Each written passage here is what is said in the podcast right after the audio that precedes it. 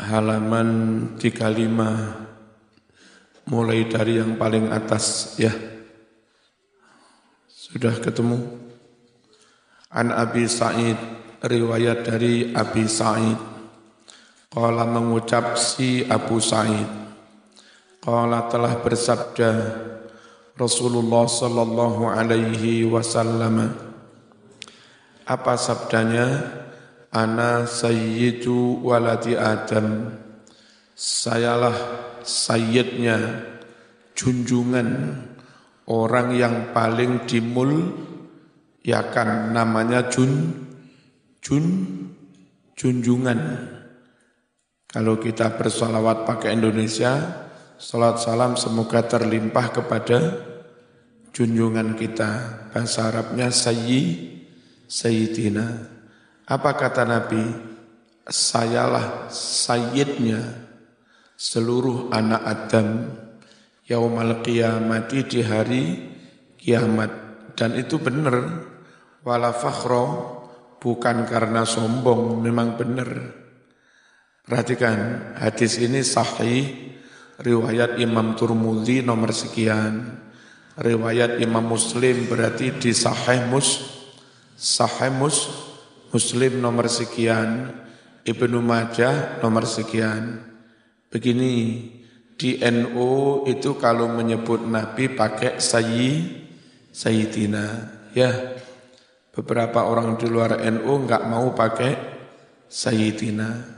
Mengapa kita pakai sayyidina? Yaitu tadi, Nabi itu ngomong kepada anak Adam ini semua. Hei sahabat, aku ini sayyidnya anak Adam semua. Aku sayyidmu. Bagaimana jawabnya kita semua? Nggih, panjenengan sayyid kami, kan begitu. Halo. Aku sayyidmu semua hai anak Adam. Apa jawabnya? Nggih, panjenengan sayyid kami. Nah, sayyid kami itu bahasa Arabnya sayyid sayyidina. Kita menyebut Nabi sayyidina, dia sayyid kita. Wong memang Nabi juga pengumuman aku sayyidmu. Nah begitulah. Paham? Makanya kita menyebut Nabi pakai Sayyidina. Itu masalahnya begitu. Perkara kewan-kewan, wedus-wedus, bedes-bedes, enggak gelem Sayyidina. Ya ojo dipaksa. Ono bedes gak gelem Sayyidina. Apa kon gak gelem Sayyidina? Katanya bedes. Karena Nabi bilang aku sayyidnya manusia. Kami-kami bedes kan bukan manusia. Sehingga kami nggak mau menyebut Nabi Sayyidina. Ya, kalau ada bedes begitu jangan dipaksa. Ngerti? Nah, Ojo guyu. Wis paham dah? Berikutnya keinsafan imamnya Wahabi. Imamnya Wahabi sekarang, muftinya Wahabi di Saudi, namanya Ibnu Utsaimin dan sudah berfatwa membolehkan Sayyidina. Dulu nggak boleh. Ini kita kutip nomor 34. Amma idza kana yusolli ala Nabi sallallahu alaihi wasallam. Adapun jika seseorang bersolawat kepada Nabi sallallahu alaihi wasallam salatan mutlaqatan solawat secara mutlak fa innahu la ba'sa an yakul sungguh tidak apa-apa tidak apa-apa. Orang itu berucap. Berucap bagaimana ini? Versi Wahabi ini sallallahu wasallama ala sayyidina lah yang belum insaf itu Wahabi di Indonesia. Ya, kalau Wahabi di Arab sudah insaf. Ngerti ya? Jika orang itu bersolawat, maka secara mutlak boleh berucap apa? Sallallahu wasallama ala sayyidina Muhammadin wa ala alihi wa sahbihi ajma'in. Ini diambil dari buku Fatawa Nur al Darb karangan Ibni Usai Ibni Usai Usaimin. Kita lanjut. Adakah kebiasaan Sayyidina di zaman Nabi, di zaman sahabat? Jawabnya ada. Akhbarona mengkhabarkan kepada kami. Siapa? Jabiru benu Jabiru benu Abdillah radhiyallahu anhuma. Qala si Jabir berucap karena Umaru yaqul adalah Umar berucap Abu Bakrin Sayyiduna la Abu Bakar itu Sayyiduna. Jadi Umar itu menyebut Abu Bakar pakai Sayyidina. Jadi sahabat itu terbiasa menghormati orang yang memang terhormat pakai kalimat Sayyidina. Wa a'taqa Abu Bakar memerdekakan budak yang namanya Bilal. Nah, Umar menyebut Bilal juga pakai Sayyid Sayyidana. Wa Abu Bakar memerdekakan Sayyidana Sayyid kami namanya Bi namanya Bi Bilal. Riwayat Imam Bukhari 3754.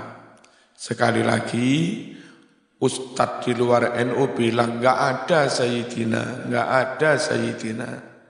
Padahal dulu sahabat aja menyebut teman yang terhormat pakai Sayyidina. Bilal pun disebut pakai Sayyidina. Nabi menyebut dirinya juga Sayyidnya seluruh anak Adam. Clear ya? Clear? Clear. Ya. Kita kepingin berhadiah sodakoh, ganjaran sodakoh kepada bapak ibu yang sudah wafat, kepada sanak famili yang wafat, tapi enggak gablek duit. Bagaimana caranya? Kepingin kirim sodakoh enggak duit duit. An Abi Hurairah radhiyallahu anhu qala berucap si Abi Hurairah qala telah bersabda Rasulullah sallallahu alaihi wasallam apa sabdanya malam yakun indahu malun man barang siapa lam yakun tidak ada indahu pada orang itu malun duit Siapa enggak punya duit, padahal kepingin nyelamati wong tuane. Barang siapa enggak ada duit, intahu baginya, ya tasoddaqobih, yang dia buat sed, dia buat sed, sedekah, fal yastaghfir, hendaklah dia membaca istighfar. Lil mu'minina lil mu'minina wal mu wal mu wal mu'minat fa innaha sadaqah. Sungguh membaca istighfar untuk seluruh orang mukminin mukminat itu namanya juga berse berse bersedekah. Biasa apa enggak? Biasa. Astaghfirullahalazim li wali walidayya. Terus?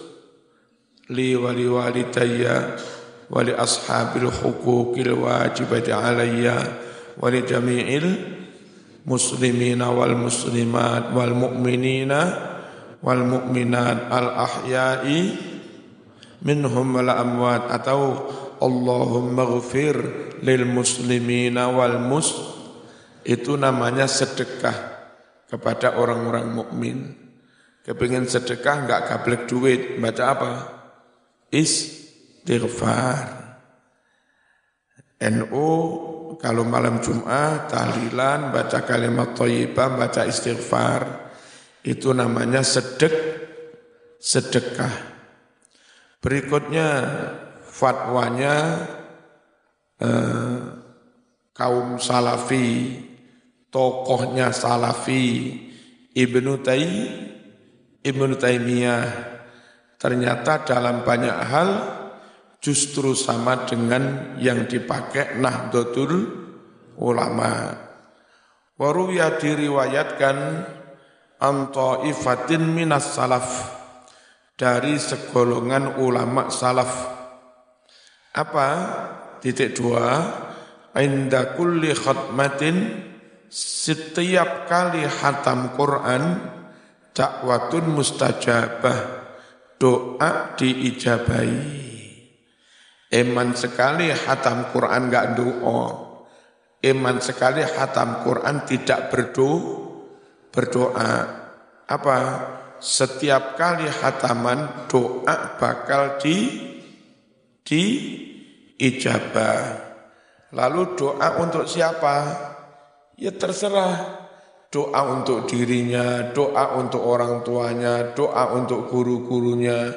Itu semuanya enggak ada yang bid'ah. Itu semuanya sun, sunnah yang berfatwa ini orang yang ditokohkan kaum wahab, wahabi. Ibnu Taimiyah. Eh, Wahabi Indonesia, Wahabi Ruwet, Wahabi Tewur, ya, Ru, Ruwet karo NO rapodo, karo Imam Syafi'i rapodo, karo Imam Dewe ya ora podo. Wahabi Ruwet. Bismillahirrahmanirrahim.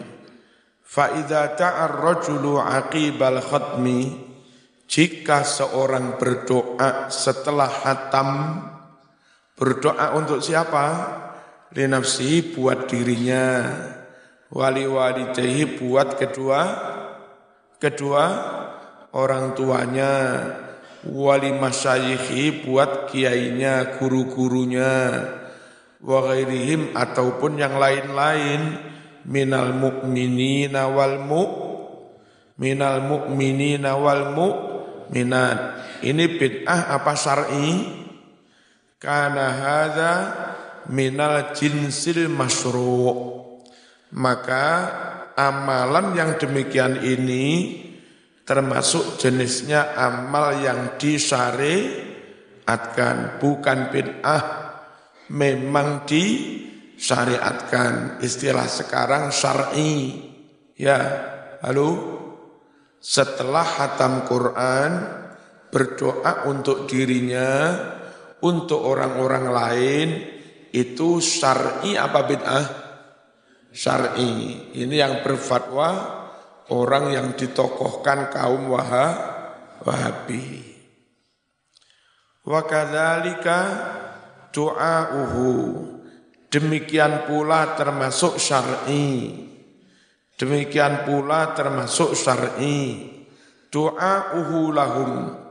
Doa seseorang mendoakan orang tuanya, gurunya, orang-orang mukmin. Kapan itu? Fi qiyamil laili. Pada sholat tahad, tahad, tahajud. Itu juga syar'i, tidak bid'ah. Wa ghairi dzalika dan doa-doa di tempat lain min mawatinil ijabah yakni situasi atau kondisi-kondisi doa diijabahi. Mumpung doa diijabah, doakan dirimu sendiri, orang tua, sanak famili, guru, dan orang-orang mukmin itu termasuk syar, syar, syar'i. Waqad sahha anin Nabi sallallahu alaihi wasallam benar-benar telah sahih hadis dari kanjeng Nabi sallallahu alaihi wasallam annahu amara bis sadaqah alal mayyit bahwa kanjeng Nabi memerintahkan supaya sedekah ganjarannya untuk si si mayit namanya apa selamatan kirim do, doa. Ini hadisnya sahih Bukhari Muslim dan ternyata juga difatwakan oleh kaum salah salafi. Ojo ngantuk ya. Bismillahirrahmanirrahim. Benar-benar hadis itu telah sahih. Isinya apa hadis itu? Nabi memerintahkan agar bersedekah ganjarannya untuk orang yang sudah mati. Wa amara an yusoma an husaum. Dan Nabi juga memerintahkan agar mengkodok puasanya orang yang sudah sudah mati. Siapa yang puasa? Anak yang hidup diniatkan untuk siapa? Bapak ibu yang sudah yang sudah mati. Itu namanya beramal diniatkan untuk orang lain. Fasadaqatu anil mauta minal a'malis solihah maka sedekah ganjarannya untuk orang-orang yang sudah mati kirim doa itu termasuk amal-amal soleh. Siapa yang berfatwa ini? Ibnu? Ibnu Taimiyah tokoh salafi. Berarti sing ruwet salafi ngondi hmm. Salafi ning Malang. Ruwet. Wa kadzalika ma ja'at bihi sunnatu. Demikian pula hal-hal yang telah diterangkan dalam sunnah. Apa isinya? Fisaumi tentang berpuasa, anhum ganjarannya untuk orang-orang yang sudah mening meninggal hadisnya Bukhari wa bihadza dengan hadis inilah wa ghairi juga dengan hadis yang lain. Ihtajja berhujjah berargumentasi. Man para ulama kola yang berpendapat. Minal ulama para ulama. Apa pendapatnya? Innahu yajuzu ihda'u sawabil ibadat sesungguhnya boleh menghadiahkan pahalanya ibadah-ibadah al-maliyati ibadah berupa harta sotakoh berkah, duit, beras, sembako wal badaniyah sotakoh yang berupa fisik ibadah berupa fisik. Apa? Bacaan Quran, bacaan Yasin, ya itu semua boleh dihadiahkan ila mautal muslimin kepada orang-orang muslim yang sudah ma, ma mati. Makanya di NU setelah bacaan tahlil doanya gimana? Taqabbal wa ausil ya Quran solawat, tahlil, sodako, hadiyatan wasilah, warahmatan nazilah, wa barakatan syamilah ila fulan fulan fulan. Itu boleh kayak begini tadi. Kama huwa madhabu Ahmad seperti yang telah menjadi pendapat madhabnya Imam Ahmad wa Abi Hanifah dan segolongan dari pengikut madhab maliki dan madhab syah syafi'i. Fa'idha uhdiya jika dihadiahkan lima yidin kepada orang yang sudah mati sawabu saumin pahalanya puasa au solatin atau pahalanya solat sunat au qiraatin atau pahalanya bacaan Quran. Boleh? Bolehkah jaza boleh. Zalika yang demikian itu. Ini kita ambil dari miliknya Ibnu Taimiyah. Majmu'ul Fatawa Libni Taimiyah. Juz 24 halaman 322 clear? Clear? Eh, zaman nggak boleh kalah dengan ustadz-ustadz wahabi yang ruwet. Ya, kenapa kamu kirim doa? Inilah baca sendiri. Ini kitab imammu. Berikutnya hadis sahih Bukhari. An Aisyata zaujin Nabi sallallahu alaihi wasallam annaha sungguhlah Siti Aisyah kanat ada idza matal mayyitu. Jika ada orang mati min ahliha dari keluarganya Aisyah Fajtama'a lalu pada berkumpul lidzalika karena kematian itu an-nisa'u kaum perempuan. Kenapa kumpul? Takzi tak halo? Takzi takziyah summa tafarraqna. Kemudian mereka yang takziah bubar. Kenapa bubar? Mayite lek wis dikubur sing takziah bu bubar. Illa ahlaha. Kecuali keluarganya tidak ikut pulang. Sanak famili. Wa khassataha dan orang-orang khusus.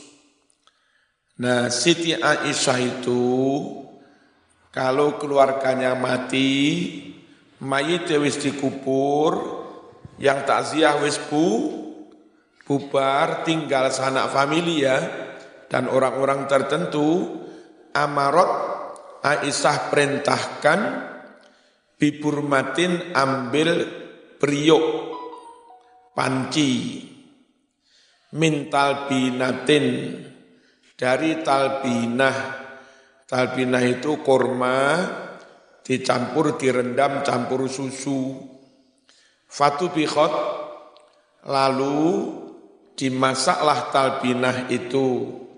Summa kemudian suni'a dibikin saridun bubur sarid. Fasubbat lalu dituangkan at-talbinatu susu campur kurma tadi dituangkan alaihi yang benar ya.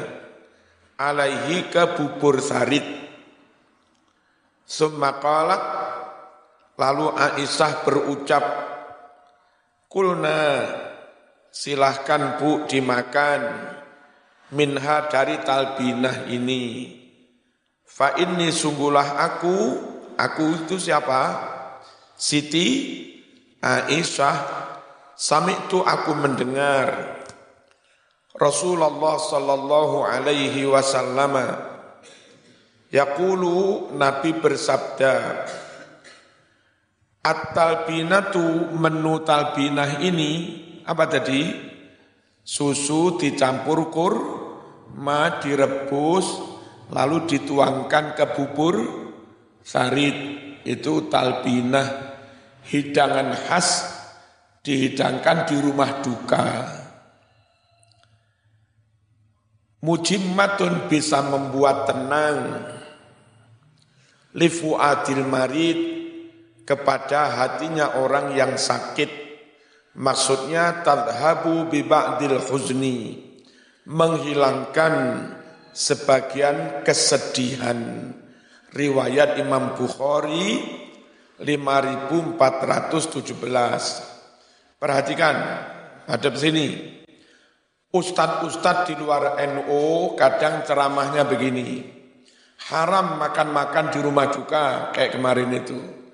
Haram kumpul-kumpul di rumah duka. Haram makan-makan di rumah duka. Katanya itu tradisi jahi, jahiliyah. Kemarin kita sampaikan riwayatnya. Ternyata hadis itu enggak ada dasar dasarnya.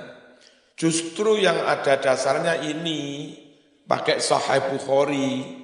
Apa? bukan haram masak di rumah duka, bukan haram makan di rumah duka. Lawang Aisyah istrinya kanjeng Nabi juga masak kok, masak talbinah, ya dicampur bubur sahrid dihidangkan di rumah duka setelah mayitnya dikubur. Di Malang namanya tumpeng pungkur. Itu loh, di Madura namanya rasolan. Hah? Di Mojokerto namanya brokoan. Di Sidoarjo, di Pasuruan namanya gugur gunung. Di Jogja namanya sortanah. Di Blitar, Kediri namanya tumpeng ungkur-ungkur. Nah, apa itu? Masa memberi hidangan di rumah duka setelah mayitnya dikubur. Sama dengan yang dilakukan Siti Aisyah. Riwayatnya Sahih Bukhari. Sementara beberapa ustadz di luar NU ceramahnya haram masak-masak di rumah duka. Enggak benar kan? Nah, makanya pokok mate odi noro NU wis. Mati urip melok NU ya. Biar acaranya sama dengan hati sahih. Sama dengan Rasul Rasulullah sallallahu alaihi wasallam. Clear? Halaman sebelumnya 34. Udah ketemu? Nomor 27. Ini kita nukil dari imamnya kaum salafi juga. Siapa? Ibnu Tai Ibnu Taimiyah. Biar ustadz-ustadz salafi segera insaf. Wasu'ila ditanya an rajulin tentang ditanya itu siapa si Ibnu Ibnu Taimiyah an rajulin tentang seseorang yungkiru ala ahli zikri yang mana orang itu menentang majelis zikir kayak semacam tahlilan di Indonesia begini didatangi ustadz salafi Lalu Ustadz Salaf itu menentang-nentang acara di, halo, menentang-nentang acara di zikir. Yakulu orang ini mengucap lahum kepada majelis zikir. Apa mengucapnya? Hadza zikru bid'ah. Itu dia bilang. Hei zikiran ini, zikiran ini bid'ah wajah rukum fi zikri bid'ah membaca dengan keras bacaan zikir itu juga bid'ah. Wis ngono kadang Ustaz Wahabi ngono wong zikir pewarani bid'ah bid'ah. Kalau pengajian pakai speaker jauh itu kadang-kadang kita bisa salah paham. Speaker jauh, tak kira itu sapi. Karena dengarnya dari jauhan hanya ah, ah, ah. Tak kira suaranya sapi. Ternyata Ustadz Salafi lagi ceramah. Dengar-dengar bid'ah, bid'ah, bid'ah. Eh, kedengarannya dari jauh, ah, Ah, tak kira suaranya sapi. Bismillahirrahmanirrahim. Wasu'ilah ditanya an rojulin tentang seseorang yungkiru ala ahli zikri yang menentang majelis zikir. Dia mengucap, we zikir ini bid'ah, suara keras dalam baca zikir juga bid'ah. Lalu bagaimana urut-urutan zikir? Ini kayak orang tahlil. Wahum yaftatihuna bil Qur'an. Jamaah tahlil itu mengawalinya dengan Quran, pakai Fatihah. Kayak tahlilan. Wa yahtatimun mengakhirinya juga dengan Quran. Sama kan dengan kita? Summa yada'un lil muslimin. Lalu mereka tutup dengan berdoa untuk seluruh orang Islam. Al-ahya'i minhum wal amwat. wa yajma'una tasbih mereka kumpulkan bacaan tasbih tahmid tahlil takbir hauqalah la haula wala quwata illa billah dan bersolawat kepada nabi wal munkiru yu'milu sama Ustadz yang menentang zikiran ini mengaktifkan pengeras ngai speaker Woi, zikir bid'ah. Banter jadinya. Marrotin berkali-kali. Bitasfiki pakai keplok lagi. Pakai tepuk tangan begini. Woi, zikir bid'ah. Sangat mengganggu yang sedang di zikir wa yubtilu dzikra dan ini mengganggu zikir fi waktu amali sama pada waktu menghidupkan mengaktifkan penger pengeras bagaimana Ibnu Taimiyah ditanya ini sing bener sing zikir apa sing gendeng yang ustadz yang menentang itu mana ini saya nanya, yang benar yang zikiran apa yang salah yang ustadznya? Gimana? Hah? Yang benar yang zikiran apa ustadznya yang salah?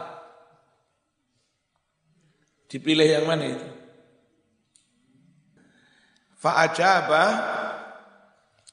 Ibnu Taimiyah menjawab Al-ijtima'u li zikrillah berkumpul untuk berzikir wastima'i kitabi dan mendengarkan Al-Quran kumpul-kumpul acaranya zikir acaranya baca Qur Quran wat doa dan ditutup dengan doa al ahya'i minhum wal amwat itu bid'ah apa amal soleh? Bid'ah apa amal soleh? Amalun soleh, itu amal soleh. Ini fatwanya siapa ini? Fatwanya siapa? Ibnu Taimiyah, imamnya kaum Salafi. Ya, dari sini kaum Salafi melarang-larang wa huwa min afdalil qurubat wal ibadat dan kumpul untuk berzikir, mendengarkan Quran, berdoa itu termasuk ibadah yang paling af af afdol. Diambil dari mana Mas? Majmu'ul Fatawa karangan Ibni Taimiyah juz 22 halaman 302. Su'ila ditanya lagi Ibnu Taimiyah an qiraati ahli mayyit. Bacaan Quran keluarganya mayit bacaan Quran di rumah duka yasinan ya. Tasilu sampaikah pahalanya ilaihi kepada mayit. Kenapa? Karena ustadz di luar NU bilang tidak sampai putus. Itulah Nah si imamnya Wahabi, imamnya Salafi ditanya, apa bacaan-bacaan begitu ganjarannya? Nyam, nyampe kepada mayit. Buat tasbih juga bacaan tasbih, tahmid, tahlil, takbir. Ida ahdahu jika seseorang menghadiahkannya ilal mayit kepada mayit yasilu sampaikah ilaihi kepada mayit sawabuha pahalanya amla atau tidak sampai? Al jawab jawabnya ini mohon ustadz-ustadz salafi mendengar mohon muhun muhun. Nah, mohon didengar. Ini dawuhnya imammu. Ya. Yasilu bakal sampai ilal mayyiti kepada mayyit qiraatu ahlihi. Bacaan Quran oleh keluarganya. Wa tasbihuhum bacaan tasbih bacaan takbir wasairu dzikrihim dan zikir-zikir yang lain. Idza ahdauhu apabila mereka menghadiahkannya ilal mayyiti kepada mayyit wasala ilaihi pasti bakal sampai kepada si si mayyit. Ini fatwanya siapa? Ibnu Taimiyah juz 24 halaman 165 clear ya? Nah, jangan ragu tentang kirim doa baik dengan sotakoan selamatan atau dengan baca bacaan. Ahlu sunnah menfatwakan bahkan wahabi pun juga menfatwakan. Al-fatihah